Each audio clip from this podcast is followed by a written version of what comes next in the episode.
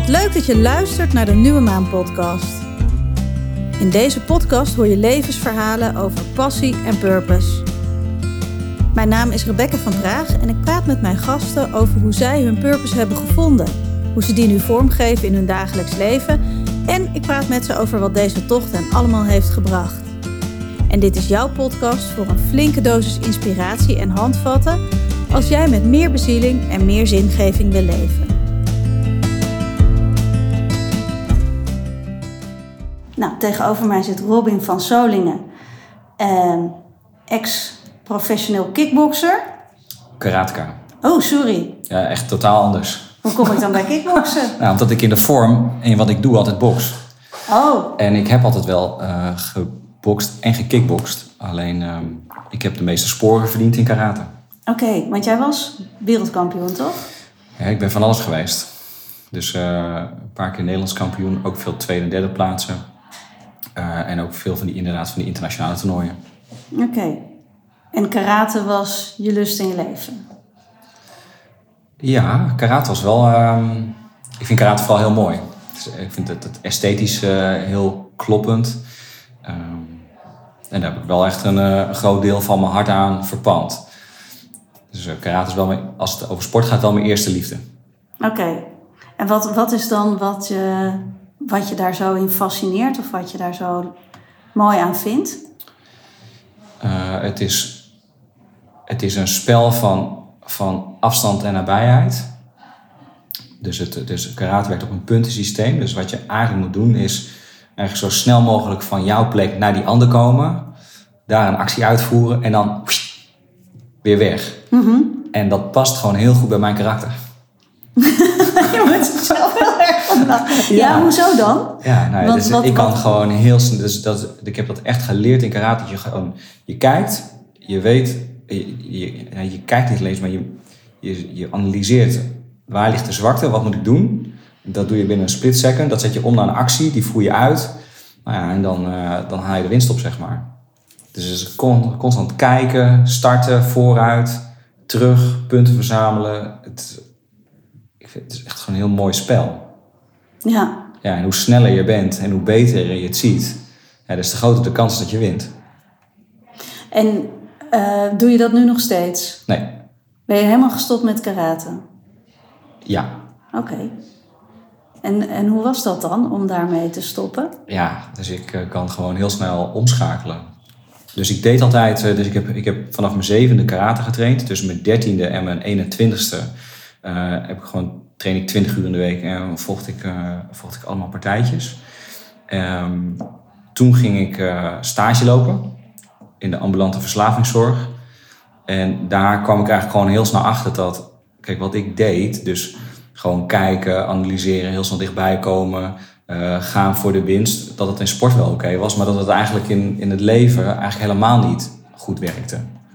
Dus wat er daarvan werd gevraagd, dat ik gewoon veel meer bleef, dus niet wegging. En, wat ik daar, wat ik, en toen ik dat ontdekte, veroordeelde ik eigenlijk in één keer ook van... oké, dus wat ik al die tijd heb gedaan was niet goed, dus ik moet dit gaan doen. Dus toen heb ik in één keer eigenlijk die sport heb ik, eh, de rug toegekeerd. En toen dacht ik, nee, het gaat niet over, eh, over mijn eigen belangen en over altijd de beste zijn. Het gaat over anderen helpen. Dus ik wisselde eigenlijk het ene extreme in voor het andere extreme. Ja. Ja, en, eh, en je zei wel eens 21 toen je in de ambulante verslavingszorg ging werken. 20, Dat 21. is super jong volgens mij. Ja, of niet? veel te jong. Ja, Veel te jong. En dat wat- vond ik toen niet. nee. Want Want- wat deed je daar dan met die mensen? Nou ja, ja, wij werkten, ik werkte vooral in de, in de jeugdverslavingszorg. Dus ik werkte heel veel eh, met randgroep jongeren. Dus met gasten die, eh, eh, die veel bloden, die veel eh, andere dingen gebruikten, die veel vochten, die niet functioneerden op school, die het thuiskloten hadden, die gewoon echt wel in de prak zaten. Nou ja, en dat moest dan ergens weer een soort van eh, op de rit komen. En ik liep stage bij een club eh, ja, die daarvan was. En eh, nou ja, ik vocht dus heel veel toernooien en ik was gewend dat ik gewoon altijd wel alles aan kan. Dus ik zei, nou dat kan ik ook wel. Dus voor mij was het gewoon heel normaal dat ik op een gegeven moment ergens in Oosterpark stond met allemaal van die FC Groningen hooligans. die eigenlijk ja, TBS hadden moeten krijgen of zo. Of ergens opgesloten hadden moeten zitten. Dat ik dan daar een beetje mee ging boksen. Want je, kwam, je ging wel met ze boksen. Ja, ging wel met zijn boksen, ja. Ja, Ja, ging dus ze ik- niet helemaal eh, door het lint dan? Ja, soms wel. Ja. En, en wat, wat deed dat met jou dan? Ja, ik scheet in mijn broek natuurlijk. Oh, dat wel? Ja, zeker. ja, dus mensen denken altijd van ja, als je dan die vechtsporten kan, ja, dan kan niemand je wat aan. Maar er is echt wel een verschil tussen straatvechters en mensen die eh, vechtsport doen. Ja, dat, die, die Het- houden zich niet aan de codes Nee, natuurlijk. dus wij hebben gewoon, eh, dus als ik een karate toernooitje deed, had ik gel in mijn haar en dan had ik een wit pakje aan.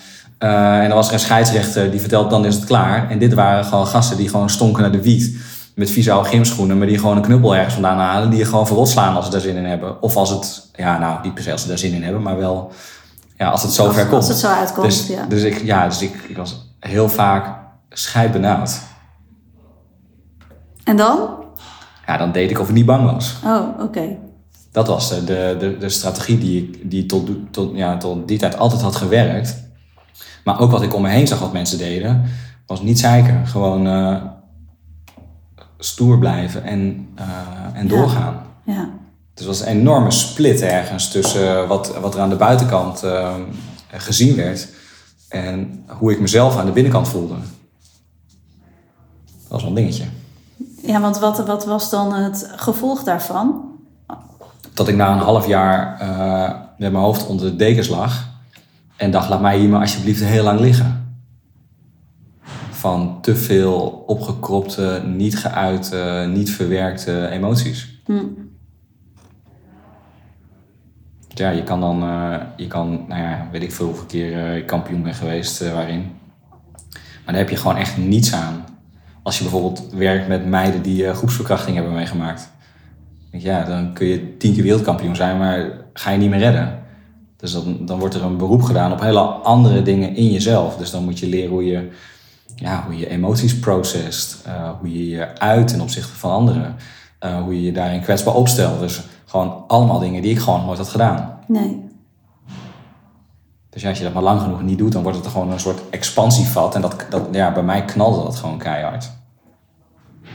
En, en wat heb je toen gedaan? Want toen lag je in bed onder de dekens. Ja, ik denk dat ik toen ben begonnen met een soort middenweg zoeken. Dus tussen eh, helemaal voor mezelf gaan, helemaal voor de ander zorgen. Kijken van hoe kun je dan ja, leren om en te voelen wat oké is eh, voor jezelf. En in verbinding te blijven met een ander. Mhm. En voor mij betekent dat ik denk eerst moest gaan leren praten over wat ik allemaal spannend vond. Iets wat in mijn cultuur van, eh, ja, van vechtsport ja, niet normaal is. Tenminste, ik, zag, ik, zag het, ik had nog nooit iemand zien doen. Nee. En in mijn familie gebeurde dat ook al niet. Dus er was weinig soort van aanknopingspunt van... Ja, dit moet je nou ongeveer gaan leren. Nee, het was misschien zelfs al tegenovergestelde. Dat je dacht, als ik dat doe, dan, dan gaat echt je kop eraf. Ja, zeker. Was gewoon not done. Ja. En dat, misschien was dat niet zoals het feitelijk was, maar dat is wel hoe Ja, ik het precies. voelde. Ja, Dat is wel, dat was wel mijn perspectief op die situatie. ja. Ik emoties tonen, hmm, niet oké. Ik denk sowieso dat weinig jongens dat leren. Misschien is dat nu anders met de Ja. generatie die nu Ja, opgroeit. dat wordt wel anders. Ja, Dat wordt wel anders, maar ik heb dat nooit geleerd. nee. Dus ik heb bijvoorbeeld een, een hele goede vader, een hele lieve eh, man, maar dat is wel een man die heel hard werkt. En niet zoveel praat over nou, hoe hij zich voelt. Mhm. Terwijl hij dat. Nou, later ben ik daar dan wel gewoon beter achter gekomen. Terwijl hij heel veel voelt en heel veel meemaakt. Maar dat is niet iets waar, ja, waar hij expliciet iets over zegt. Dus dat is een beetje het voorbeeld. Ja. En ehm, je hebt ook wel eens verteld dat je door... eh, je had allemaal broers, of neven, sorry, neven en Ja. ooms. Eh, die hadden gezegd tegen je dat je maar eens moest, eh, op een vechtsport moest. Zeker. Ja, dus ik, als ik dat zeg maar dan bij het verhaal van emoties toon... dus waren ook niet andere mannen in je familie die... Nee, dus, mijn, eh, dus het is inderdaad wel, ik denk dat het een, eh, een, een optelsom is. Die uiteindelijk is geëindigd in hoe ik het dan deed. Ja, Eh, dus aan de ene kant eh, heb, ik, eh, heb ik een vader die gewoon een harde werker. En mijn moeder is wel eh, ook een harde werker op een andere manier. Maar ze zijn allebei niet heel erg uiterig. Ehm, mijn ooms en mijn neven komen allemaal uit Rotterdam. Dat is gewoon eh, eh, type niet zeiken, maar gewoon doordouwen. En als iemand loopt te zeiken, dan geef ik hem gewoon een stomp. en dat gebeurde ook met jou toen je... Nou, zo werd ik wel, eh, zo werd ik wel zeg maar, door hun benaderd. Dus dat, dat jongetje moest wel een beetje hard worden van, ja, van die gasten. Ja, want wat voor een kind was jij dan? Voor je ging karate. Nou, die juffrouw die zei eens een keer op een 10 minuten gesprek op school. ik was toen denk ik 7 of 8. Zei, die, zei ze tegen mevrouw de Vos, ik weet nog heel goed. Mevrouw de Vos zei tegen mijn moeder: Robin mag heus wel eens iets verkeerds doen. Gewoon een heel stil, lief, zacht kind. Ja, en is die er nog? Zeker. Ik denk nu wel meer dan ooit. Ja, Alleen hij is ook een tijdje weg geweest. ja, Dus ik denk dat het is ook wel goed, denk ik, dat je als kind leert om jezelf om stand te houden. Dus ik ben dat, dat soort dat zachte stukje, zeg maar, ben ik gaan afschermen met een hard laagje. Nou, dan zijn een paar van die ooms en neven en een vechtsport wel hele goede, ja, hele goede ingrediënten, zeg maar, om zo'n laagje te maken.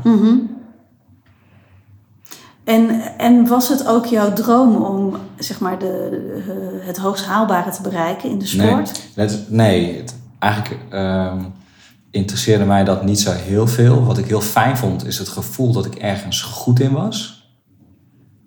Dus dat is wel... Dat is- voor het eerst dat ik dat ontdekte. Ik, denk, ik, werd toen voor, ik werd toen voor het eerst Nederlands kampioen eh, bij de junioren. Eh, en toen won ik de finale tegen een jongen die ik best wel goed vond. En toen dacht ik, oh, nou volgens mij kan ik dit gewoon. En dat had ik nog nooit zo gevoeld. Ik denk, ik ben hier dus blijkbaar echt best wel goed in. Dus dat was leuk. Eh, maar ten diepste, wat ik het allerfijnste vond, was dat ik, eh, ik werd Nederlands kampioen. Ik ging, en toen kwam ik eh, eh, bij het nationaal team. Dan kom je gewoon in de kernploeg. Daar zitten alle, alle nummers 1, 2, 3 en 4 van alle gewichtsklasses. En ik vond die groep gewoon heel tof. Ik vond die, dat waren jongens en meiden, soms net zo oud, soms iets ouder, allemaal fit. Eh, die waren gewoon heel leuk. En dan gingen we overal naartoe. eh, want dan gingen we naar Italië, dan gingen we naar Frankrijk. Dat was gewoon één groot avontuur. Ehm, dus ten diepste, zeg maar, vond ik het, het, het verbonden zijn met een groep, of met die groep, eh, vond ik eigenlijk belangrijker dan het winnen. Alleen als je onderdeel wilde blijven van die groep, moest je wel winnen. Dus het soort het winnen werd een soort eh, ja, toegangskaartje om onderdeel te mogen blijven van. Oké, Dus zo, ja, zo zat dat een beetje. En ik vond dan bijvoorbeeld ook trainen, eh, vond ik echt briljant. Ik, eh, ik hou van trainen, ik kan heel hard werken. Eh, en ik, ik, ik vind trainen ook heel leuk. Ehm, en, maar ik vond alles eromheen ook heel leuk. Want dan gingen we in de pauze, en dan gingen we gewoon zitten en dan gingen we eten en dan gingen we kletsen. Dat was gewoon hartstikke tof. Maar als ik zo'n wedstrijd moest vechten, ik was dan altijd blij zeg maar aan het eind dat ik niet had verloren. dat je nog bij de groep kon blijven. Ja, ja. dus het was niet eens zozeer dat ik blij was dat ik had gewonnen. Ik was gewoon blij dat ik niet had verloren. Oh. Ik denk, mijn god, gelukkig, het is weer gelukt. En ik vond dan soms ja, ook... kan je dat echt realiseren? Ja, Of, zeker. herinneren dat denk, je dat oh, had? denk, ik moet ook, dan had je zo'n poolschemaatje en dan stond al die namen op tegen wie je dan moest. En denk, oh mijn god, moet ik tegen die allemaal. Nou, ik hoop dat dit goed komt. En dan eh, op het moment dat je er staat, ja, dan gooi je wel de knop om. Eh, en dan ga ik wel aan de bak. Eh, maar ten diepste, zeg maar, was de motivatie ja, niet helemaal recht, denk ik. Het was nou niet zozeer dat ik het winnen van andere mensen ten diepste het allerleukste vond. Nee, grappig. Want ik zou denken dat je in, alleen maar in topsport zo kan uitblinken. als je ehm, heel erg graag dat, dat doel wil halen van Ja. de Olympische Spelen of Ja. de Nederlandse kampioenschappen. Ja, maar kijk, ik was ook niet altijd de beste. Hm. Dus, eh, ze- dus kijk, ik, ik ben dan bijvoorbeeld iets van drie keer Nederlands kampioen geweest. Eh, dat, dat klinkt al best wel, dat klinkt als iets. Maar die gasten die in dat team zaten, die waren eh, allemaal eh, zes keer Nederlands kampioen. eh, vijf keer Open Nederlands kampioen, zes keer Duits kampioen, twintig keer Italiaans kampioen. Die gasten, de minimale norm in die club was dat je gewoon kampioen bent. En ik was dat niet altijd. Nee. Want ik bijvoorbeeld, ik, ik stond in de, Europees, eh, in de finale van de Europese kampioenschappen Waddo, stond ik tegen mijn kamergenootje te vechten. Ja, misschien was die beter of misschien niet. Maar ik vond, ik vond gewoon niet tof van hem op zijn bek te slaan. Dus ik verloor met 1-0. Ja, dat kan je eigenlijk, zeg maar, in echt een topsport. Als je, als je echt er goed in zit, dan, dan, dan gooi je die knoppen om. Ehm, ja, en dan doe je dat gewoon wel. Ja. Dus En eigenlijk dat was echt er een hele gevoelige nou, hij was echt een hele toffe gast. Ik, ik vind hem nog steeds aardig. Het is niet dat ik hem spreek, maar ik vond een hele leuke gozer op mij op de kamer, weet je wel. Eh, ik, ik kan dat niet. En het stomme was dat ik ergens wel vond dat ik het moest kunnen, maar ik kon het gewoon helemaal niet. En werd dat dan niet ook door je trainer of je coach gezien? Nou, mijn trainer zei dan wel eens van ja, er had meer in gezeten. En dat was achteraf zo'n opmerking waar ik echt niks mee kan. Dus er had meer in gezeten. Ik denk, ja, dat, denk, ja, dat weet ik ook wel. Maar ehm, ik denk dat ik toen niet de vaardigheden had. eh, of, of de ballen. Gewoon om te vertellen wat ik nou eigenlijk zo moeilijk vond. Mhm. Ja, maar dat is, ja, Ja, want je was toen 17 of Ja, nee, het is- ik denk dat ik toen te, zo, ja, zo, zo bij de 20 ongeveer in de buurt Ah, ja. zat. Ik, ik wist gewoon helemaal niet hoe dat moest. Ik had dat nooit gedaan. En ik vond het doodeng. Dan ga ik nu... Maar was je er wel echt bewust van? Ja, Dat je ook wist van, Nou hier ja, komt het door dat nou, ik niet zozeer in taal, maar, ik, maar wel als ik daar dan stond, dan voelde ik wel van ik ga niet voluit. Dan had ik gewoon vet rem erop zitten. Ja, En dan deed ik wel van alles en dan was ik wel heel druk, maar als het puntje bij het paaltje kwam, dan durfde ik het niet. Ik wilde die ander dan gewoon niet ja, of bezeren of weet ik veel wat het dan was. En soms als iemand dan, eh, als ik dan iemand niet kende, ja, dan was het gewoon, eh, woesh, dan lukte het wel heel goed. ja. Gek hè? Ja, wonderlijk. Ja. Nou ja, en ja, best wel cruciaal lijkt me. En dat, ja, ik zit dan te denken van, dat moet toch ook wel op een gegeven moment een soort patroon worden, dat het op gaat vallen. Van, hé, hey, bij die sta ben je er Ja. wel en bij die niet. Nou, ik denk dat ik het heel goed, eh, dat ik dat op een gegeven moment best wel door had. Eh, en dat ik het toen ben gaan vermijden. Ja, Eh, dus je bent gewoon heel slim ja, ik ben ook heel, ja, ik ben gewoon heel, ik ben ook heel slim in vermijden. Ja, Dat, dat lukte dan wel goed.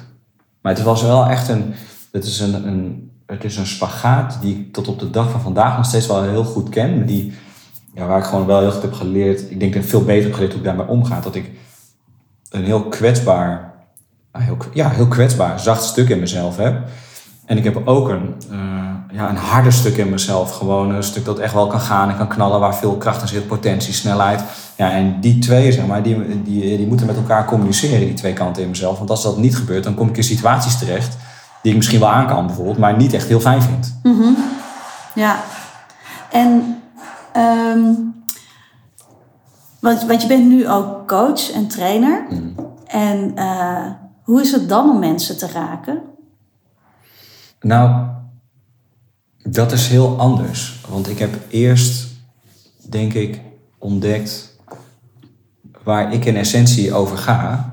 Dus dat zeg maar, dus als je.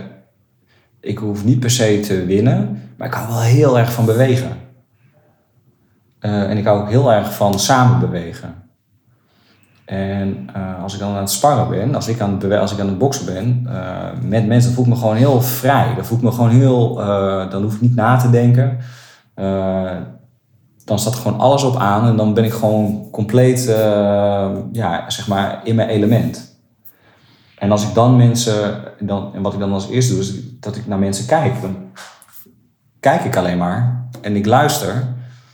En dan zit er niets in in mij wat denkt ik moet winnen of het gaat nu over winnen of verliezen. Ik ben alleen maar aan het kijken en aan het, het ervaren wat er gebeurt in het contact. En als ik dat dan heb, als ik dan een beetje scherp wat, ik, wat, ik, wat, ik, nou, wat er te doen is voor mij, nou, dan vind ik niet zo erg om te raken, omdat de intentie dan is eh, hoe kan ik jou een stapje beter maken? Of hoe kan ik je raken zodat je ehm, zeg maar een soort drempel overgaat? Hoe kan ik je zo raken dat we iets doorbreken? Dus de intentie van het raken is gewoon heel anders. Oké. Ja. Dus de intentie van het raken in sport is winnen en verliezen. En de intentie van raken in wat ik nu doe, eh, is meer heel maken. Ja. Ja, en ik heb het een keer meegemaakt dat wij met een groep trainers, eh, hè, waar jij als je bokskliniek kwam geven, gingen wij met onze trainers met jou boksen om dat zelf te ervaren. Nou, en ik weet nog dat ik vond het echt mega heftig. Jij zei op een gegeven moment tegen mij van ja, wij gaan sparren. En je, en ik, je sloeg op mijn neus. Ja. En ik weet nog dat ik dacht, Rebecca, die gast, je kan niet van hem winnen. Maar dat ik, ik, ik dacht, en op een gegeven moment dacht ik, nou ja, dan ga ik maar dood. Ja. En ik vond dat zo intens om te voelen.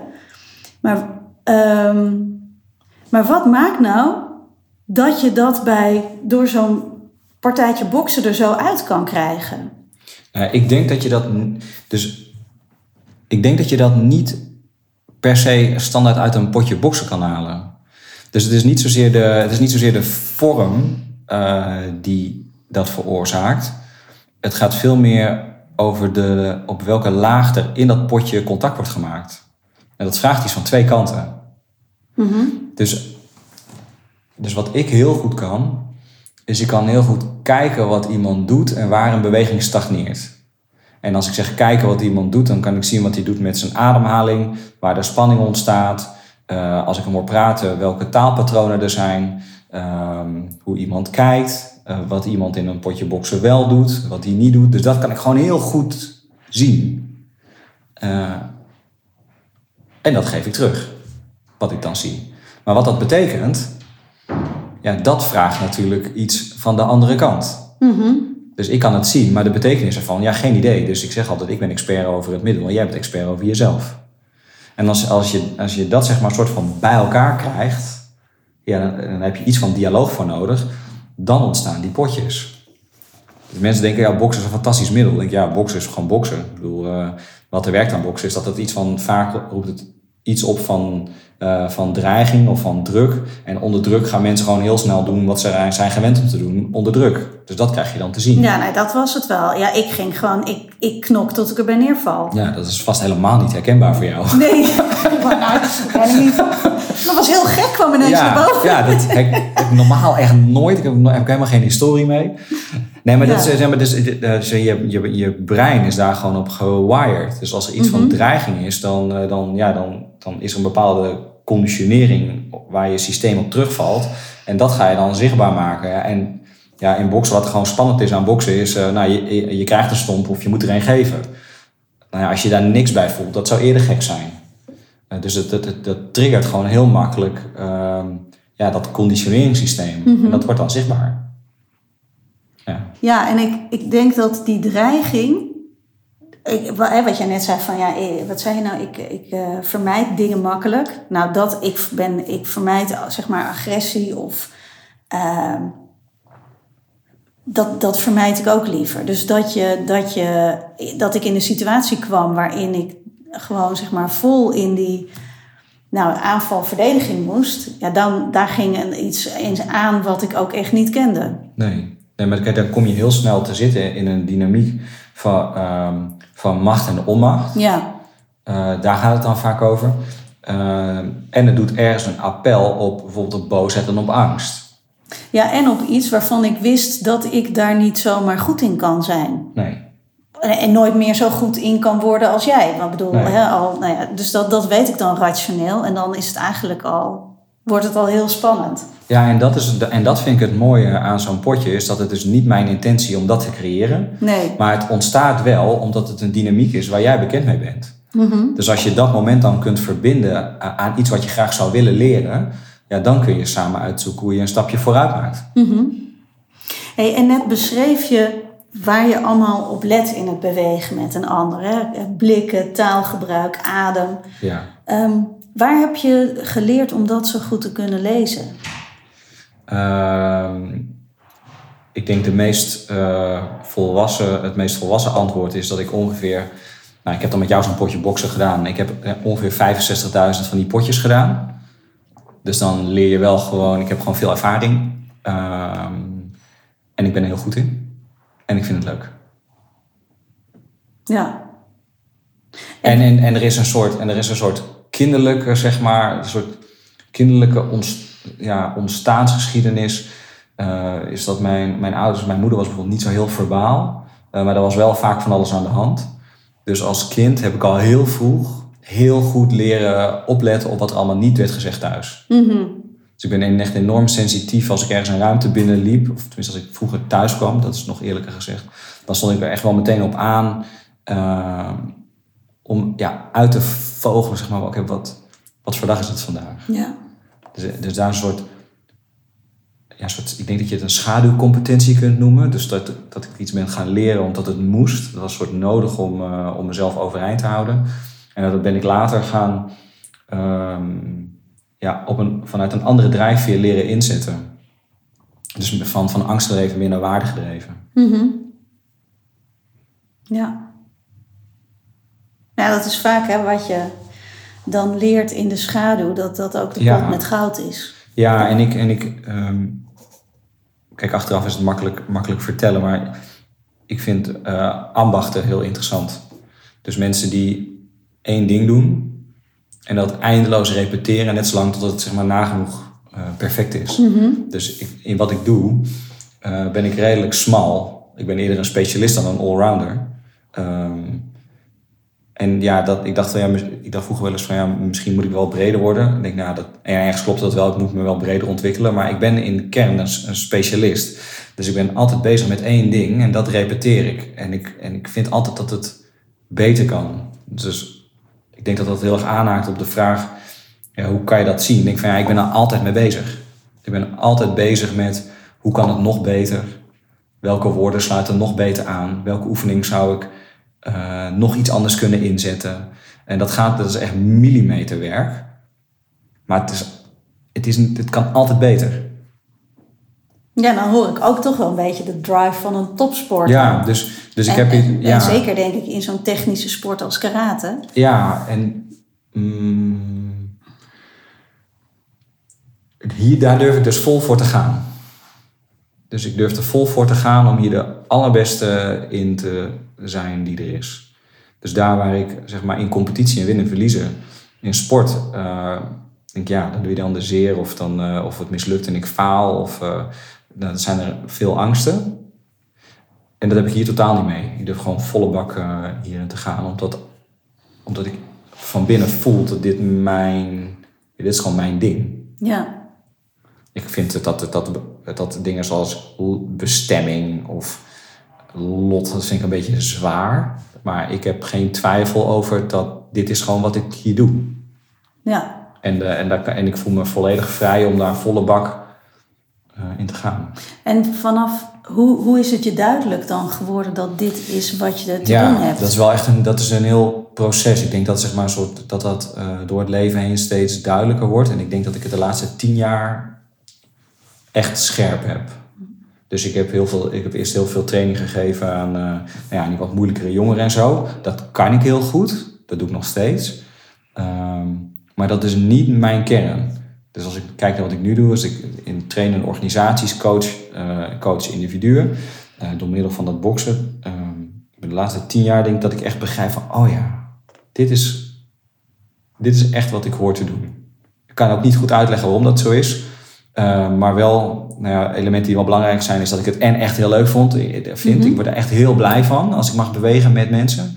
Uh, en ik vind het belangrijk, uh, omdat ik het gevoel heb dat ik in wat ik doe iets, ja, een soort puzzelstukje kan leveren, wat andere mensen niet kunnen leveren. Uh, dus het is ook maar een stukje van de puzzel, maar het is wel een stukje van de puzzel. Mm -hmm. um, ja, en dat is wel heel belangrijk. Ja. Voel ik gewoon heel veel, uh, heel veel rust bij. Dat ik op mijn plek zit. En wat is dan um, het verschil, zeg maar, tussen die, de, de moeilijkere jongeren en, en de mensen uit, het, uit de organisaties, die eigenlijk meer de. Uh, het, is een, het tempo is anders. Dus het tempo met, met jongeren is lager. Um, en ik hou ook heel erg van taal. En ik hou ook heel erg van dingen analyseren. En ik hou ook wel van, van abstraheren en intellectualiseren. Dus ik, ja. dus, en dat, dat, uh, dus mijn, uh, ik werd vroeger een beetje weggezet als een soort MAVO-klant. Dus ik dacht, ja, denken is niet zo nodig. Dat is, uh, je moet gewoon doen. en een van de dingen waar ik achter kwam toen ik ouder werd, dat ik hou gewoon heel erg van nadenken. En van lezen en van nou, gewoon je hersenen gebruiken. Okay. uh, dus, ik, en, dus ik word ook heel erg. Ik werk veel met hele slimme mensen. Dat vind ik echt super leuk om gewoon ook heel goed na te denken over: oké, okay, waarom is het eigenlijk zo? Terwijl bij kinderen en bij jongeren is het veel uh, primairder, is nog veel minder taal. Het is niet minder belangrijk. Alleen ik denk dat er gewoon helemaal in deze fase van mijn leven. zijn er gewoon heel veel mensen die daar veel geschikter voor zijn. Dus ja. ik, dus ik, uh, um, ik heb dat 10, 15 jaar gedaan. En laatst werd ik gevraagd voor een groot project hier in Amsterdam. Toen dacht ik, ja, ik, ben, ik heb die edge niet meer of zo. Uh, dat vraagt ook een soort hardheid. Uh, een, soort, ja, een soort hart aan de ene kant, veel compassie aan de andere kant. Ja, ik heb dat, net nu, ik heb dat nu net niet meer. Ik denk, er zijn nu mensen die dat nu echt wel beter kunnen. Ja. Ja, daar kan ik me wel wat bij voorstellen. Ook omdat het daar misschien de, de, de, de puzzelstukjes ook kleiner zijn of Ja. minder. ehm, ja, die kinderen zitten natuurlijk ook nog veel meer in een soort overleefstand. Ja, ja en ik doe nog wel één project met kinderen eh, ehm, of met jongeren, eh, jeugd, dat in, de- jeugdpsychiatrie. Eh, maar daar heb ik gewoon de mogelijkheid om kinderen een jaar te volgen. Samen met een, orthopedagoog, met een pedagogisch medewerker, met een docent. Dus dan kun je gewoon met elkaar die hele moeilijke vraagstukken oppakken. Ehm, nou, en dat, dat, vind ik, dat blijf ik ook wel doen, omdat dat je mij gewoon heel erg bepaalt bij ja, de verschillende lagen in de samenleving. Mhm. eh, en, en, en ook wel bij wat, wat de realiteit is van dat soort kinderen. Ja, Dat moet ik niet vergeten. nee. Hey, en want, want wat heb je gedaan dan dat je in eerste instantie al bij die verslaafde terecht kwam? Iets van eh, pedagogische hulpverlening Social of zo? Oh. Ja, heet dat tegenwoordig, dat heet de SPH. Oh ja. Ja. Was ook gewoon eh, omdat mijn eh, karateleraar die werkte met moeilijk voetbare jongeren. En die zei, nou, dan moet je ongeveer die ople- opleiding gaan doen. Dus ja, ga ik dat doen. Hoe moeilijk kan dat zijn? nou, en toen kwam ik dus terecht in die, eh, op die stageplek in de ambulante verslavingszorg. En toen kwam ik wel achter ja, hoe moeilijk het kon zijn. En dat was niet zozeer het, het, het intellectuele stuk, maar gewoon veel meer het dealen met jezelf stuk. Maar denk je niet dat, dat je dat, wat je ook gekozen had, daarachter was gekomen? Hoe bedoel je? Nou, dat het een soort on, onontkomelijk thema is in je leven, waar je gewoon op een bepaald moment in je leven mee hebt te dealen. Een, Ja, ik zeg denk, maar, iets ja. wat je te Ja. leren hebt. Ja, ik denk het wel, ook omdat ik in mijn, in wie ik ben, eh, ook altijd wel uitdagende dingen opzoek. En soms ook gewoon een groot stuk afbijt eh, dan ik aan kan. Dus ik denk dat ik sowieso inderdaad wel eh, in die situatie terecht was gekomen. Ik had gewoon geluk dat het deze situatie was, omdat uiteindelijk ik gewoon heel veel van heb geleerd, wat ik nog steeds elke dag kan gebruiken.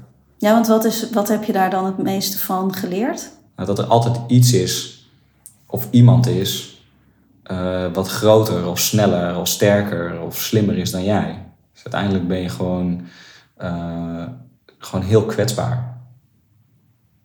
Je bent, een heel, ja, je, je bent gewoon als mens gewoon heel een kwetsbaar wezen. Mhm. Het leven is, is fragiel. Ja. Eh, dus je moet goed voor jezelf zorgen. En ook goed voor de mensen om je heen. Ja. ontroerend vind ik dat. Ja, dat, dat ja, dat, ja, ja, dat je dat... Nou ja, ik ben altijd heel beeldend. Ik zie dan zo'n 20-jarige, Ja, hele fanatieke jongen... die het heel graag goed wil doen tussen van die zwaar verslaafden. En als, als dit er dan uitkomt voor jou als ja, dat levensles... Ja, dat vind ik wel mooi. Ja, ik, ja dat, het, is, kijk, ik ben nu 42, dat is nu al makkelijk vertellen. Ja, Maar dat was natuurlijk toen niet zo. Ik zie mezelf daar staan in Oosterpark tussen die gasten. Ik voel me fragiel. Die gasten die, die, zouden, die zouden beginnen met lachen, die zouden nooit meer stoppen. nee. Maar het is wel zo. Ja. Ik bedoel, als ik nu ook kijk... Nou, het leven is ook kwetsbaar natuurlijk. Ja, het is heel Ja. kwetsbaar. Ik bedoel, eh, jij hebt ook kinderen. Ik heb, ook- ik heb ook kleine kinderen. Ik denk, ja, eh, het, het leven is fragiel. Mhm. Het is kostbaar. Het is een kostbaar, een, het is een, soort kostbaar goed. Ja. Wat, zou jij, wat wil jij vooral je kinderen meegeven in het leven? Ja, dat vind ik echt een moeilijke vraag. Ik denk daar niet altijd zo expliciet over na. Hmm, Ik denk vooral dat ze er gewoon mogen zijn met, met alles erop en eraan. Hm. Dat klinkt een beetje plat. Maar dat, dat, ja, dat is het niet. Ik denk dat, ik heb een, eh, ik heb een dochter, dus mijn oudste dochter is zes. Het is echt een hele slimme tante. Superleuk, maar ook heel explosief en, raar en eh, dwars. En, dan, dus als ik dan nu zeg, ja, ze mag er zijn met alles op en eraan, dan denk ik van, poeh, dat is wel echt een klus om haar zo te blijven zien.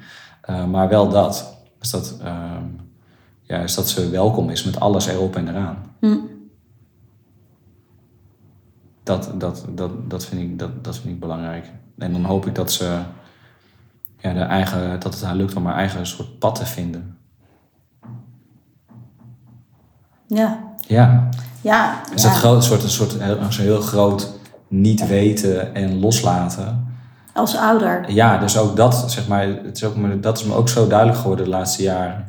Is dat ook mijn invloed als vader, die is ook zo verschrikkelijk beperkt. Ik bedoel, wat er in die kinderen zit, dat zit er gewoon in die kinderen. En dat kun je een beetje bijsturen en dat moet je wel vormen en dan moet je er bovenop zitten. Maar in essentie heb je er gewoon geen reet over te zeggen. Je hebt het gewoon eh, in beheer als het ware. Je moet het nurturen. Je hebt, je bent, je hebt een soort stewardship over. Mhm. Maar ze, uiteindelijk gaan ze het echt helemaal zelf bepalen. Ja, dat, dat klopt. Ja, mijn kinderen zijn iets ouder, dus Ja. dan... Ja, dan is dat misschien nog wel duidelijker.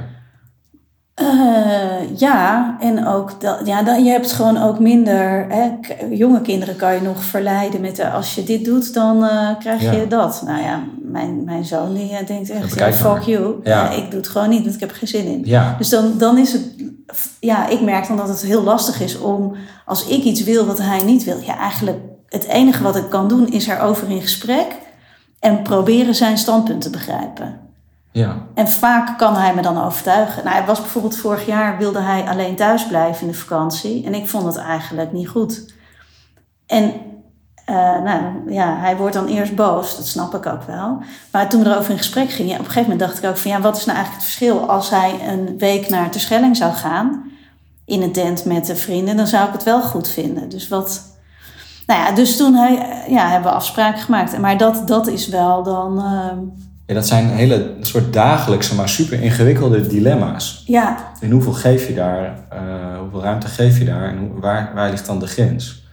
Ja, En helemaal met, en ook die- ja, met die- meerdere kinderen. Want waarom mag die dat wel en dat Ja. wil ik niet, maar dan mag ik dit niet. En eh, ja. Ingewikkeld. ja, en ook vind ik ook wel leuk. Ik hou ook wel van. eh, nou, op het moment zelf vind ik het dan niet zo leuk, maar als we daarna tot elkaar eh, komen en begrip hebben en het. eh, nou, hij zou dan iedere dag een foto maken van wat hij ge- ge- gekookt had. Dus hij met zijn fototoestel langs alle tenten van de buren. Om daar gewoon gaststelletjes met macaroni te fotograferen. Ja, hij was dus gewoon thuisgebleven. Nee, de eerste dag kreeg ik een soort wazige foto van een Ja. Tafel waar in ieder geval druiven op te onderscheiden waren. Uh, dag twee kreeg ik geen foto meer. Nee. Maar hij had nog wel dan de vader van eh, een vriend, eh, hadden ze gebeld met eh, hoe maak je, nou het was iets hete kip of zo. Oh, eh, nou ja. ja, dus het was op zich helemaal goed gegaan. Maar ja. ja, dat, ja, dat is wel in deze fase is loslaten wel echt, eh, Ja. nou vind ik best een uitdaging. spannend. Ja. Ja. Helemaal als je dan denkt aan al die eh, eh, mensen met wie jij in dat park hebt staan boksen, dat die ook in, in de wereld rondlopen. Ja, dat vind ik gewoon spannend. Dat ze Ja, net dat iemand het tegenkomen op het verkeerde moment. Dat vind ik eigenlijk het meest spannende. ja, dat snap ik. Ik heb twee dochters. Ik hou mijn hart daar nu al voor vast. Ja. Ja, en aan de andere kant, hoe, hoe was je zelf toen je 16, 17 was? Ja, verschrikkelijk. Maar niet, niet netjes naar meisjes. Oh, zo, ja. Ik, Ja, dus ik ben een jongetje. Even Ja. voor, het goede, voor de goede orde. Ik ben een jongetje. ja, ja, oh! Dus toen ik 16 was, dan zeg maar, ik was niet een echt ideale schoonzoon. Dat was ik niet. Nee, want wat was is dat dan? En niet een ideale schoonzoon? Nou, ik had toen gewoon, begon toen een beetje door te krijgen dat ik goed was aan sport. En dat meisjes mij leuk vonden. Nou, daar heb ik echt wel eh geruime tijd eh, ehm, ja, gebruik van gemaakt. Maar is dat erg dan? Nee, want zeg maar dat ik, nou, het was misschien niet altijd even netjes, maar ik bedoel, ik was niet een foute jongen of zo. Dus nee, ik vond het achteraf, nee. Want het gebeurt denk ik ook andersom. Dat, dat meiden op jongens manipuleren Ja. of eh, Ja, bespelen. ik denk het wel. Ja. Eigenlijk weet ik het wel zeker. Nou, dat weet ik ook wel zeker. Alleen, Alleen ik denk- ik denk dat- ziet er wat anders uit. Ja, ik ben, en ja, ik denk dat jongens daar wat eh, transparanter in zijn en meiden wat slimmer. Ja. Hoe kwamen we hier nou weer terecht? ja, dat weet ik ook niet. Ik bedoelde eigenlijk te vragen of jij een... Omdat je het ook zo had over mensen lezen... dat je niet ook een instinct had voor wie je... In situaties dat je bijvoorbeeld voelde... Nu, nu moet ik echt wegwezen of die is echt niet te vertrouwen. Nee, dat, dat begrijp ik niet helemaal.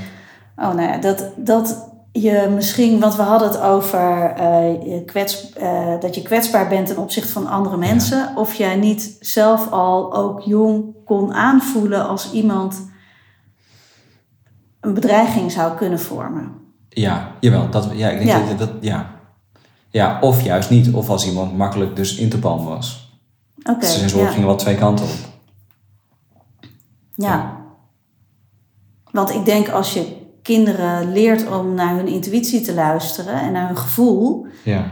dat dat heel erg helpt met dat soort dingen. Nou, ja, dat is ook wel, nou, dat is wel toevallig, of toevallig, weet ik, we hebben het erover. Dus het is wel iets wat we, wat we met mijn oudste, zoals ik en mijn vrouw, wat we gewoon heel veel doen. Is dat we haar leren uitleggen, dat, ze, dat zij leert zichzelf te uiten. Dat zij uitlegt zeg maar, wat ze voelt. Ehm, en waar dat ook zit in haar lichaam. Ja, En wat ze dan daarvan uit wil. En eh, dat kan zij echt heel, eh, heel goed. Dat kan zij twintig keer beter eh, als, dan ik dat kon toen ik twintig was. ja. Ja, mooi is dat. Ja, Ja. ja, dat, ja. dat is mooi. Hey, en wat, wat zijn dan ehm, je dromen nu voor de toekomst? Hmm. Ja, ik ben daar eigenlijk niet mee bezig. En ik, terwijl ik het zeg, merk dat ik een beetje onderzoek of dat ook echt klopt. Omdat ik, zeg maar, ik leef niet in het verleden, ik leef niet in de toekomst, ik leef nu. Mhm. En er zijn wel dingen die ik misschien nog zou willen. Alleen die ontstaan, de dingen die ik uiteindelijk wil, die ontstaan wel bij, bij het maken van beslissingen elke dag. Dus kijk, als ik, stel je voor dat ik dit mijn hele leven blijf doen, wat ik nu doe, dan ben ik echt super gelukkig. Dus ik ben echt gewoon heel blij en tevreden en dankbaar met wat ik nu elke dag kan doen. Ehm, soms voelt het wel als van, nou, ik zou wel iets willen proberen en dan ga ik dingetjes proberen. En eh, dan groeit het wel. Ehm, maar ik heb niet echt een droom als van, niet een soort van ambitie van ik moet dit bereiken. Of als ik dit heb, dan ben ik eh, gelukkig. Dus ik ben gewoon een, eh, dan ben ik gewoon wel een beetje, een beetje burgerlijk of zo. Ik denk van, ah, ik zou het leuk vinden als mijn tuin een keertje op orde is. en nee, dat, maar dat zijn eigenlijk geen details zijn eigenlijk. Hè. Het zou leuk als mijn tuin een Maar het keertje is kan eigenlijk toch ook heerlijk als dat de issues zijn ja, dat, is wel, dat zijn wel echt mijn issues. En, eh, en eh, er zijn nog wel dingen die ik aan mijn huis zou willen, willen laten doen. Maar ik ben, ik ben gewoon heel tevreden. Het, het is, het, het ontbreekt me aan echt aan niets. Ehm, zeg maar, ik heb niks in die zin niet zoveel te willen. Omdat ik gewoon heel content ben. Ik denk, Ja. ja. er is altijd wel een grotere auto, er is altijd wel een groter huis, er is altijd wel meer geld te verdienen. Maar ik denk, ja, dat is voor mij niet wat het leven de, de moeite waard maakt. Voor mij maakt het leven de moeite waard dat ik soms wakker word en dat ik dan zeg, nou, vandaag mag ik doen wat ik het allerliefste doe. Ehm, met de mensen waar ik om geef. Hm. Nou, dan zal er misschien wel een keer een kleine koerswijziging onderweg eh, plaatsvinden. Maar ja, dat zie, dat, zie, dat, dat zie ik dan wel. Ja, je bent dus helemaal niet bezig met het bouwen aan Nee. Volgend jaar en over vijf jaar en Totaal over niet. tien jaar. Nee, want je hebt er toch geen invloed op. Kijk, en het is niet helemaal waar, want ik vind wel dat je plannen moet hebben. Ehm, dat is wel oké, maar in dit opzicht, zeg maar, heb ik die eigenlijk minimaal. Hm. Ik ben gewoon bezig met, eh, met, gewoon met hier zijn. En dan voelen dat het goed is. Dat klinkt een beetje zweverig, hè? Nou nee, ik, ik- ja, het klinkt ook heel, eh, lijkt me ook heel lekker. Nou ja, ik ben heel, ik ben, ik voel, ik, kijk, ik ben wel eens onrustig, maar ik voel me van binnen gewoon heel, eh, heel kalm. Ja, dat is natuurlijk wel eens anders, maar in, de, mijn, in mijn basis ben ik gewoon heel prima, omdat ik weet wat ik aan het doen ben. Ik weet dat ik het leuk vind, dat ik er goed in ben. Ehm, ik verdien er genoeg geld mee, dus ik heb, niet, ik heb, geen, ik heb zeg maar geen tekorten. Ik heb mensen om me heen die ik fijn vind. Nou, dat, niks te klagen. Nee, nou fijn. Top. Ja. Hey, en wat, je, je, begeleidt veel mensen ook in het eh, bedrijfsleven. Mhm. Ehm, en eh, wat ik daar zelf vaak zie, is dat mensen dan ook heel erg zoekend kunnen zijn naar wat, eh, ja, wat wil ik dan, waar ben ik van, Ehm, wat is Ja. mijn purpose, missie. Nou ja, je zei net zelf al van ja, dat je niet zoveel hebt met die woorden. Bestemming, zei je Lot. Ja, nou, ik vind het soms wat zware woorden. Mhm. Eh, natuurlijk heb ik er wel wat mee. Wat is je vraag? Ehm, wat, wat zie jij dan vooral in, in, als je een soort algemeen beeld zou geven aan mensen die daarmee worstelen, die niet hun plek kunnen vinden of die eh, Ja, dat- daar zoekend in zijn. Hmm. Nou, ik denk, zeg maar, zo'n uitspraak is dat eh, is het, het is belangrijk dat je goed naar jezelf luistert. Ehm, alleen, wie leert je hoe je nou goed naar jezelf luistert? Dat is niet iets wat je op school leert. Nee. Dus ik denk dat sommige mensen kunnen bijvoorbeeld heel goed naar zichzelf luisteren, maar de meeste mensen eigenlijk gewoon niet, omdat ze geen idee hebben naar waar ze dan eigenlijk naar moeten luisteren. Ja, of ze horen en voelen iets waar ze eigenlijk wat ze niet willen. Ja, Dat kan ook nog. Ja, dus, dus zeg maar, ik denk dat er gewoon een heel groot, ehm, groot gat is. Eh, wat mensen, zeg maar, zeg maar dat er dat heel veel dingen zijn die mensen nog niet hebben geleerd. eh, die ze moeten leren om uit te zoeken waar ze eigenlijk over gaan. Dus bijvoorbeeld, wat zijn basisbehoeften? Ehm, wat is voelen? Wat is een verschil tussen wat je, wat je doet eh, en ehm, wat je kunt? Of, er zijn zo er zijn zoveel dingen die we niet leren op school. Ja, die moet je dan gaan leren in zo'n zo'n professionele context. Dus wat ik dan gewoon vaak zie, is dat mensen gewoon heel hard werken. En daar echt gewoon heel erg goed in zijn. Maar dat dat niet betekent dat ze doen wat ze graag... Dat, ze, dat betekent niet per se dat ze doen wat ze het liefste willen doen. Ja. ja, dus wat ik je eigenlijk hoor zeggen is, je moet eigenlijk heel goed jezelf leren kennen en daar ook mee verbonden zijn.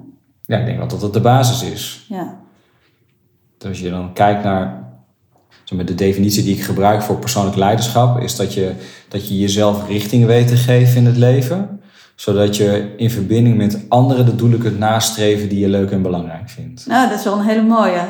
Ja, Ja. en daar zitten, zeg maar, daar zitten dan de basisbehoeften van de zelfdeterminatietheorie. in. Dus dat klopt voor mij precies. Dus het gaat ergens over autonomie. Mhm.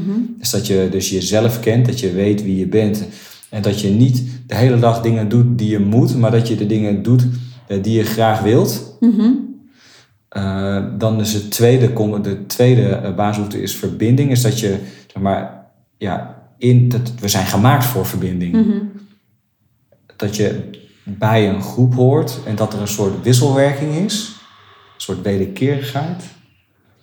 En je hebt dan nog competentie, dus ergens goed in zijn. Dus dat je zeg maar binnen de groep waar je deel van uitmaakt, eh, van waarde kan zijn door datgene te doen waar je dan goed in bent. Ja. Denk, ja, nou, weet je, dat snappen, dat, dat, dat, dat hebben we niet. Als je mensen vraagt wat zijn psychologische basisbehoeften, dan hebben mensen geen idee. Ik wist het zelf ook niet tot een paar jaar geleden. Als je dat soort dingen leert, dus je begrijpt dat er gewoon een soort, het zijn geen waarheden, maar dat zijn wel een soort pijlers, een soort silo's, waar, ja, waar je op kan focussen. Dus ik ben met, altijd, met, altijd met mensen bezig. Oké, dus we hebben dus drie van die silo's. Dus, eh, ervaar, eh, waar ervaar je dan tekorten? Hoe ziet dat eruit? Wat doe je, eh, wat doe je in het dagelijks leven? En hoe kan je die tekorten, zeg maar, aanvullen? Wat vraagt dat van je? Ehm, ja, dat vind ik gewoon waardevolle dingen om te doen. Mhm. Ja. En, en hoe jij ehm, kijkt naar eh, jezelf kunnen helen. En je hebt veel met mensen gewerkt die ook echt gewond zijn geraakt in het leven. Of verwond zijn geraakt door het leven. In de prak noemde jij het net. Ja. Wat, hoe kijk je naar ehm, het vermogen om weer heel te worden? Jeetje, dan vraag je me wel gewoon iets waarvan ik niet weet hoe ik daar antwoord op moet geven. Dus in eerste instantie moet ik dan nadenken over hoe ik dat dan zelf doe. Denk, ja, zeg maar even Heb je dat, nou ja, nou ja, weet je, een van, nou ja, ja, meegemaakt? het is een van de dingen waar we het niet over hebben gehad, is dat ik ook dat ik ben gelovig. Eh, niet eh, uit, eh, niet, ik ben niet gelovig opgevoed, maar ik ben wel wat ze dan noemen tot bekering gekomen. Oh ja? Ja, toen ik 21, 22 was. Dus soort radicaal het roer omgegooid. En ik ben nog heel goed, ik lag op mijn bed. echt super gefrustreerd. En ik ervaarde een soort kruispunt van ik ga nu of richting de dood of richting het leven. was een beetje extreem. En toen schreeuwde ik echt uit naar God. Nou, hè, als je het allemaal beter weet, hier ben ik. Zeg het maar wat we gaan doen. Nou, dat was een beetje dramatisch misschien. Ik had minimaal verwacht dat er een soort engelen uit de hemel zouden komen en eh, dat er een eh, orkest eh, zou gaan. was gewoon niks. Gouden glitter naar Was beneden. niks. Maar achteraf wel beter, omdat ik, me, omdat ik toen ben, voor het eerst ben gaan oefenen. ehm, ja, met iets van overgave. Een soort overgeven aan iets groters dan ik. Mhm. Dat is wel een beetje spiritueel, denk ik. Ik denk, ja, ik denk, dat is, maar ik, ik heb dat wel geloofd, gewoon in God en de Bijbel. Ik denk, ja, er is gewoon, dit is voor mij een soort hoopvol verhaal. Mhm. Dat er iets is wat groter is dan ik, wat, wat het in de hand heeft. Ehm, en wat daarvoor zorgt, en dat zorgt er voor mij voor dat ik gewoon op heel veel manieren, dat ik op heel veel manieren eh, controle kon leren loslaten. Eh, en ook dat heelwording, zelf heel worden, misschien wel meer een kwestie is van me toevertrouwen aan anderen met mijn eigen gewondheid, dan dat ik, dan dat ik leerde hoe ik mezelf heel moest maken. Ja. Klinkt dat logisch? Ja, eh, Of het is klinkt- dat- Ja, nou, het, ehm, wat ik hoor dan eigenlijk is dat je daarin ook die fragiliteit, die kwetsbaarheid, ja, Ja. eigenlijk kan geven Ja, van dus- nou, dit, dit is het. ja, dus zeg maar, wat ik kan doen in mijn heelmaking is, met, is, met, me- is dat ik me met mijn gewondheid toevertrouw eh, aan iemand of iets anders. Mhm. ja. Ja, dus dat je gerichtheid niet is op het moet nu heel worden of beter worden, Nee, en de gerichtheid is dan ook. overgave Nee, en, die, en, die- ja, en dus die gerichtheid is dan ook niet op ik. Nee. Dus ik denk dat heelmaking.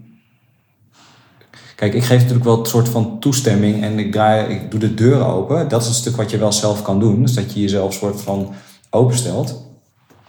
Maar ik denk dat die heelmaking eh, in mijn geval zeg maar meer te maken had met, o- met, met, het, eh, met verbinden aan een ander. Ja. Of aan, nou ja, voor mij dan eh, verbinden met God. Mhm.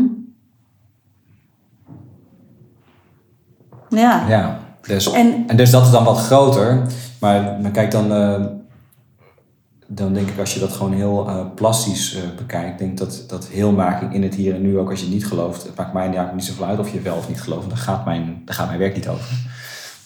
Ik geloof ook wel dat er gewoon, het is een van de eerste vragen die ik stel als ik met mensen werk aan bepaalde doelen, is ja, oké, wie mag jou hierbij helpen? Of aan wie vertrouw jij jezelf toe met dit stukje? Zeg maar, dat is echt de vraag die ik mezelf zo vaak heb gesteld in heel veel pijnlijke onderwerpen. is de vraag die ik nou ook heel vaak aan anderen stel. Eh, met wie durf je dit aan te gaan? Echt een cruciale vraag. Ja, ja en, en wat ik er wel mooi in vind, omdat, daarom vraag ik ook naar die heelwording, omdat ik altijd denk dat daar ergens, laten we het je missie noemen, dat wat Ja. je te doen hebt hier daarmee te maken heeft. Ja, Met je eigen ja, helingsproces. ja. En dat wat je daarin leert, je ook aan anderen kan geven. Dus dat, dat is wel wat ik je dan hoor vertellen. Hè? Dus door jij, doordat jij je over kon geven en ehm, eh, hulp accepteren of aanvaarden, dat je dat ook kan spiegelen aan anderen. Van in, doe Ja. je dat, kan je dat en, en bij wie dan? Ja, zeker. En dan, ehm, en zeg maar de vraag die ik daarna bij mezelf stel is, ben ik dan ook, als je, als je bij mij komt, ben ik ook beschikbaar eh, om die ander te zijn bijvoorbeeld? Ja, heb ik de ruimte voor. Ja, Ja. Hey, en, want, want je was toen 20 of 21, vertelde je? Eh, toen, ik, Nee, toen, me- toen je in uh, geloof ja, iets ouder, ik denk 22, ja, 22, 23. Ik ben heel, heel slecht. Als mijn vrouw ooit een keer deze podcast luistert, dan denk ik, heb je hem weer met zijn tijdlijntjes. Nou ja, nou ja, maak je het niet Nee, het jong zou- in ja, ieder geval, ja, onder de ik ben- 25. Is dat jong? Nou, vind ik wel jong. Ja, dan is het jong. Eh, zegt misschien ook iets over mij. Maar goed, anyway. Ehm, was er dan iemand in je omgeving die je daarin had geïnspireerd? Ja, ik werkte toen eh, samen met een man die ook eh, gelovig was. En ik vond gelovige mensen altijd maar raar. Eh, want mijn referentiekader voor gelovige mensen eh, was dat ik... Nou, ik kom uit Nunspeet. En dan waren op zondag was dat gewoon allemaal... nou, dat was wel een beetje droevig allemaal. En als ik dan ging sporten op zondag... Ja, dan gingen mensen gewoon niet aan de kant als ik eh, tussen de mensenmenigte door wilde met mijn auto om naar een toernooi te gaan. Dus ik had daar niet, ik had daar niet zo wat mee. En ehm, wat, ik, wat ik die man zag doen, waar ik toen eh, mee samenwerkte, was een soort hele praktische uitwerking van het evangelie. Nou, deze zin heb ik nog nooit gezegd. Maar is dat, nee, maar dus als je zeg maar een soort, een soort Jezus is een soort dan het soort, ja, een soort het, het, een van de leidende figuren in de Bijbel. Eh, en als je dan, en hij keek dan vooral heel erg naar, oké, wat deed hij dan? Nou, hij was gewoon altijd bij gebroken mensen. En eh, daar hoefde hij helemaal niet te zijn, want eh, zeg maar, hij was soort de, zoon van God en hij verlaagde zich omdat hij dienstbaar wilde zijn aan mensen met gebroken harten. Ik denk, nou, daar kon ik wel wat mee met dat verhaal. Ik denk dat is beter dan zo zagrijnig kijk op zondag als ik eh, voorbij kom rijden. Met, dus dat is wel inspirerend geweest. En tegelijkertijd dacht ik, ja, ik vind het als verhaal inspirerend, maar niet voor mij. Ja. Want dat stukje overgave, dus echt het, het accepteren dat er iets is wat groter is dan jij, eh, dat, dat was toen nog te spannend. Maar, dat, eh, maar ik, ben, ik heb het. Het waren wel zeg maar, een soort de eerste signalen voor mij. Die zeiden, ja, er is wel meer als alleen maar. Voor mij is er wel meer als alleen maar dit. Ja. En hoe was dat dan voor je ouders toen je daar op een gegeven moment vertelde dat je. Ja, maar die dachten, wat heeft hij nou weer? Kijk, dus mijn ouders, die, wat, nou, wat wel heel mooi was eigenlijk, is dat zeiden, we hebben jullie niet gelovig opgevoed. eh, omdat we jullie graag zelf de keuze wilden geven hoe je de, in, in dat opzicht zeg maar, je leven invult. Dus eigenlijk eh, ben ik ze wel dankbaar. Ehm, maar ik ben op een gegeven moment ook een bepaalde richting, zeg maar, eh, op een bepaalde richting heen op bewogen. Zeg maar, richting, zeg maar, richting de Joodse wortels van het christelijk geloof. Eh, dus eh, ik heet bijvoorbeeld een kosher. eh, Oh, echt? Wat... we doen, we vrijdag hebben, we- hebben, doen we de Shabbat. Dat zijn echt dingen waarvan mijn ouders denken: hoe komt hij hier nou weer bij? Want je hebt een Indische achtergrond, of niet? Ja. Ja. Of ook Joodse achtergrond? Nee, helemaal niet. Nee. Nee, dus de, mijn familie in, in Indonesië zijn moslim. Ja. Dus ja, Nou, er zijn ook weer heel veel dingen die in het Jodendom. ja, ja, zit, ja als je helemaal de eerste drie boeken zeg maar, bekijkt, dan eh, Ja. komt het redelijk overeen. Maar dus Ja. ik ben daar wel een soort, ik ben daar een, een leefstijl gaan, eh, gaan aannemen die wel volledig anders was eh, als, als wat ik kende, maar ook wat zij kende. Ja. Maar dat vonden zij wel, moesten moest even wennen, maar dat vonden zij op zich wel prima. Het was, ik denk dat ik veel meer, dat ik dit, ik, ik, dit is iets wat ik, nou ik al tien jaar niet zo, ik loop niet zo met mijn geloof ehm, te koop, omdat ik eigenlijk vind dat het niet boeiend is. Dus ik vind het nu wel eens leuk om erover te hebben. Nou ja, ik vind het wel interessant, want het zegt wel over hoe jij in het leven staat. Ja, alleen ik ben altijd heel, ik ben heel bang dat ik, eh, wel eens als ik er te enthousiast over word, eh, dat ik daardoor andere mensen afstoot.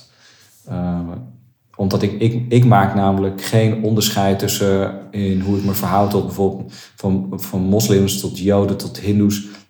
Zeg maar, voor mij is het niet, maar jij bent wel goed en eh, of jij bent niet goed en ik ben wel goed. Dat is natuurlijk wat er heel, ja, wat er, vind ik altijd op de, op de loer ligt als het gaat over, over religie. Ja. Ja, daar ben ik echt wars van. Ik vind dat zo, eh, zo erg.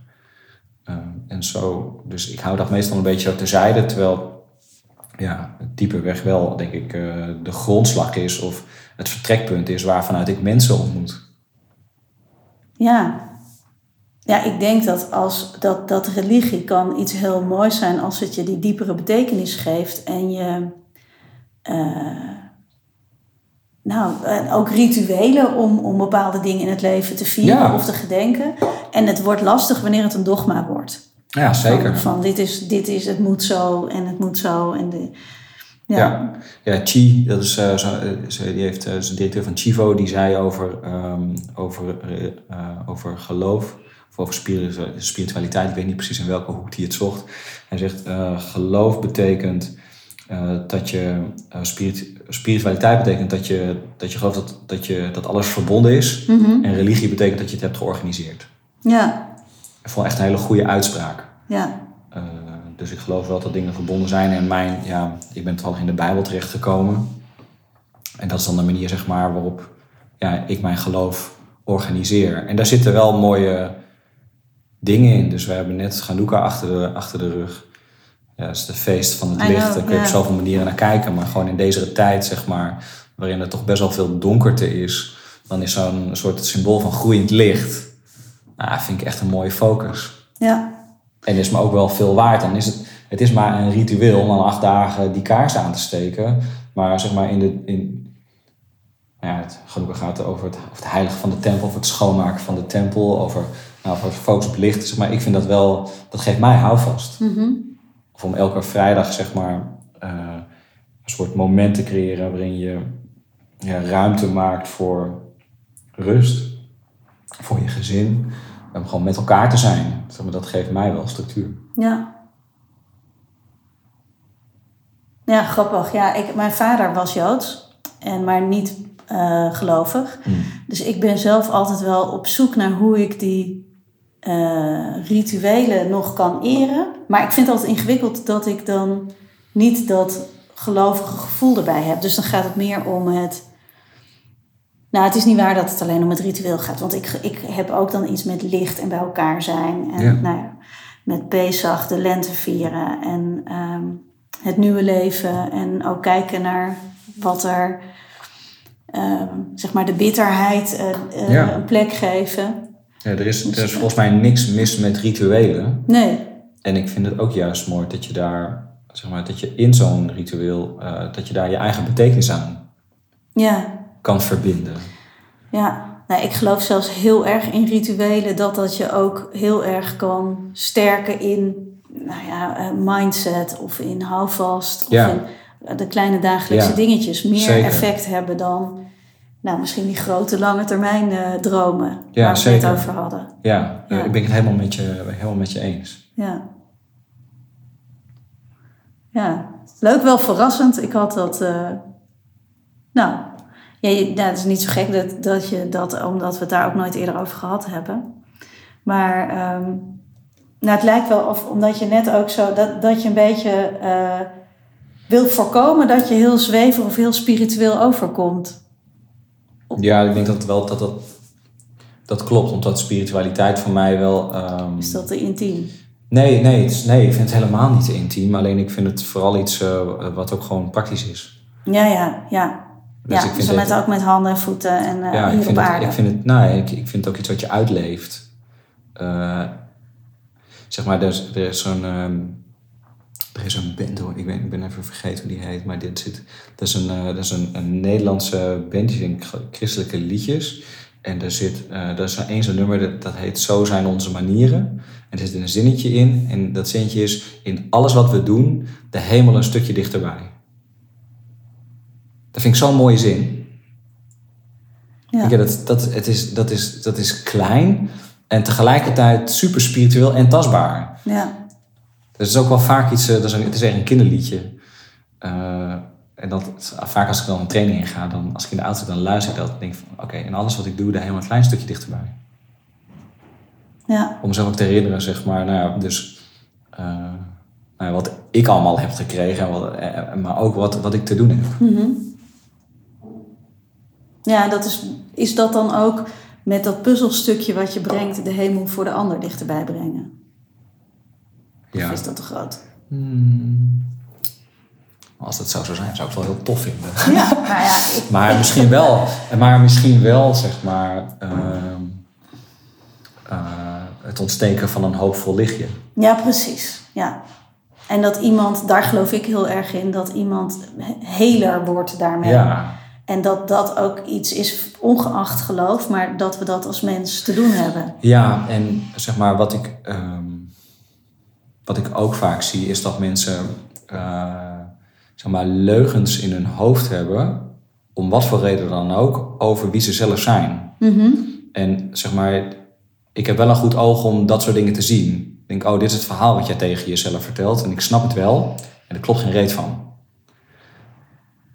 Zeg maar, dat, is dan, dat, dat mensen een soort niet-liefde, zo'n super harde manier hebben om naar zichzelf te kijken. Ja, Terwijl ik altijd, terwijl ik denk, oh, ik snap dat jij het zo ziet, maar ik kijk veel liefdevoller naar jou. ja, En ik vind dat wel fijn om dat ook te zeggen. Ja, ik was ooit een keer, ken je die, die dat zijn, eh, is een stel en die heet ehm Be The Change. En die hebben, een onderdeel daarvan is over de streep. Daar is dat hele programma Ja, ja. van over de Ja, streep. ja. Nou, in ieder geval, ik deed een workshop bij hun en er was ook een man.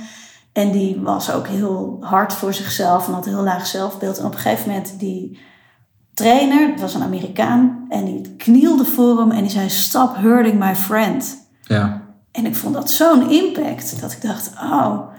En die man was ook helemaal in de war van my friend, my friend. Maar dat, dat er dus iemand liefdevoller naar hem keek dan naar, hij naar zichzelf. Nou, daar was hij, daar, hij is daar de rest van de, die hele twee dagen mee helemaal. bezig geweest. Maar ja, dat snap ik helemaal. ja. Ja, dus ik vond dat heel erg indrukwekkend. Maar ook de, eh, eigenlijk de liefde die die trainer durfde te Ja. laten zien. Ja. Vond wel bijzonder. Ja, ik snap dat helemaal. Ja, is dat, je, is dat andere mensen soms liefdevoller naar je, naar jouw schaduwkanten kan zijn dan jij naar jezelf. Ja, precies. Ja. Maar dat is ook, zeg maar, oh, mooi dat je dat zegt. Dat is ook waarom ik niet geloof dat, je het in je, dat, je, dat heelmaking in je eentje bestaat.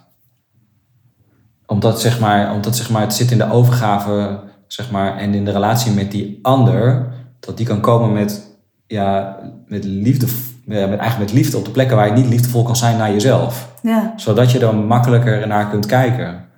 Dat je er anders naar kunt leren kijken. Ja. En misschien ook dat je daar dan in gesteund en gedragen kan voelen.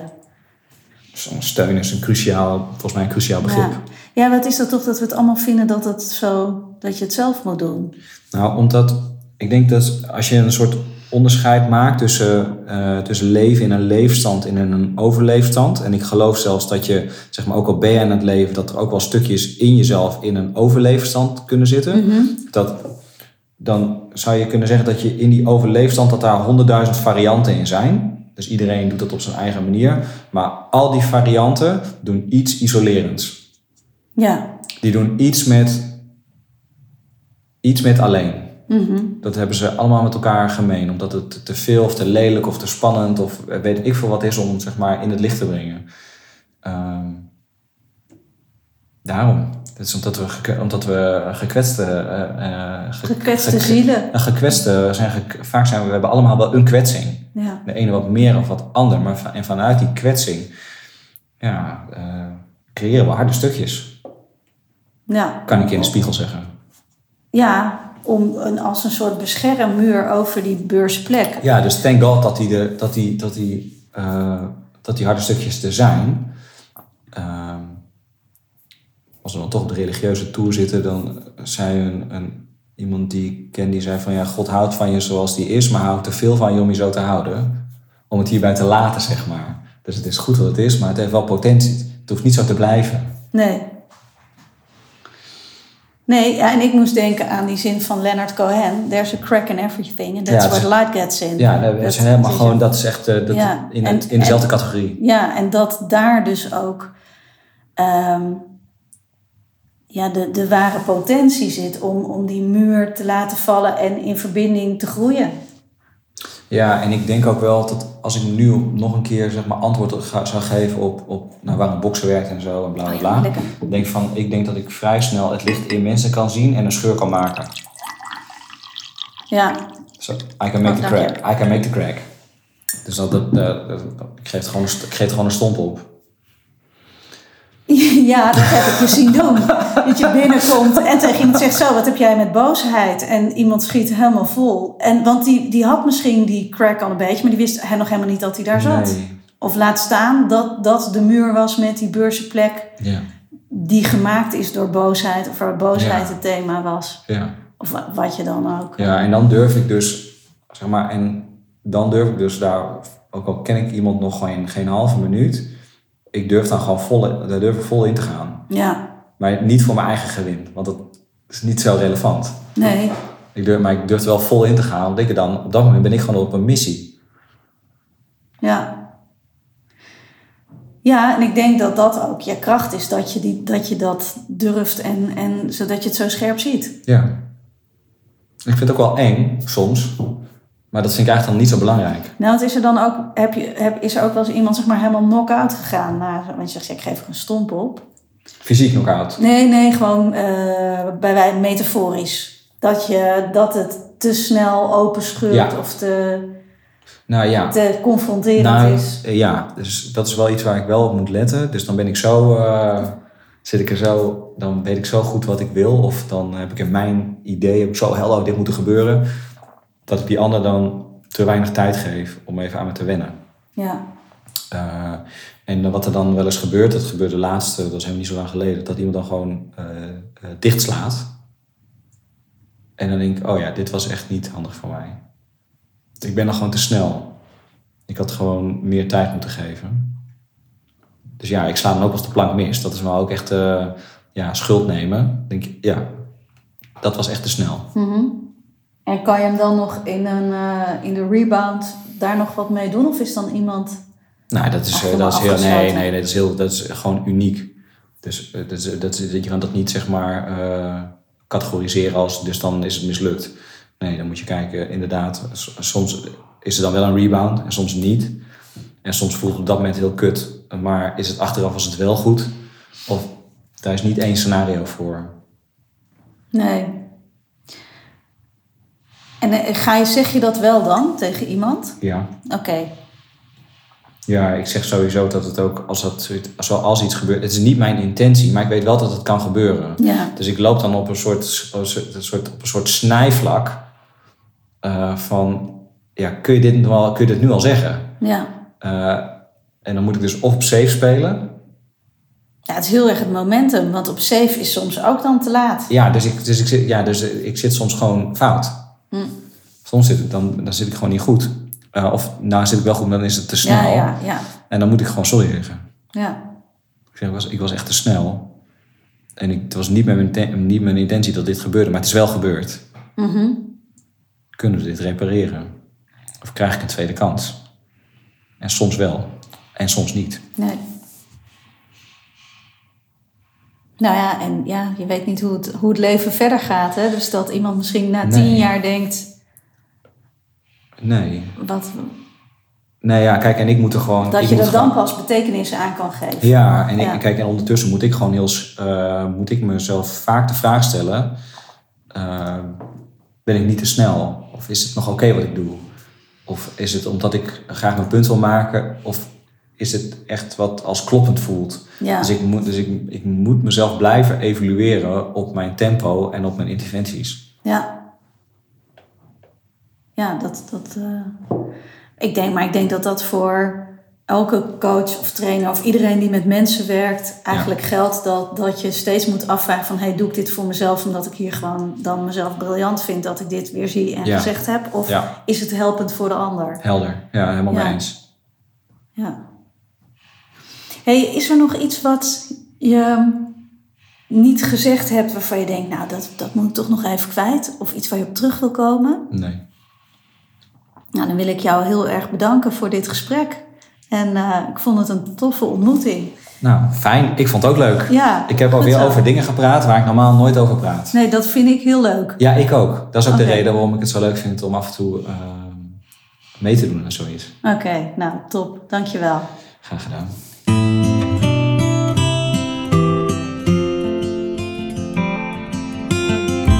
Dankjewel dat je naar de Nieuwe Maan podcast hebt geluisterd. Ik hoop dat dit gesprek je heeft geïnspireerd om jouw purpose te voelen en te leven. Wanneer jij weet waar het jou echt om gaat en jij je hart volgt, ervaar je meer betekenis en meer geluk in je leven. Daar ben ik van overtuigd. Wil je geen uitzending missen? Abonneer je dan op deze podcast in je favoriete podcast-app. Denk je na het luisteren van deze podcast: ik wil leven met meer passie en bezieling en energie en ik wil meer verbinding met mezelf?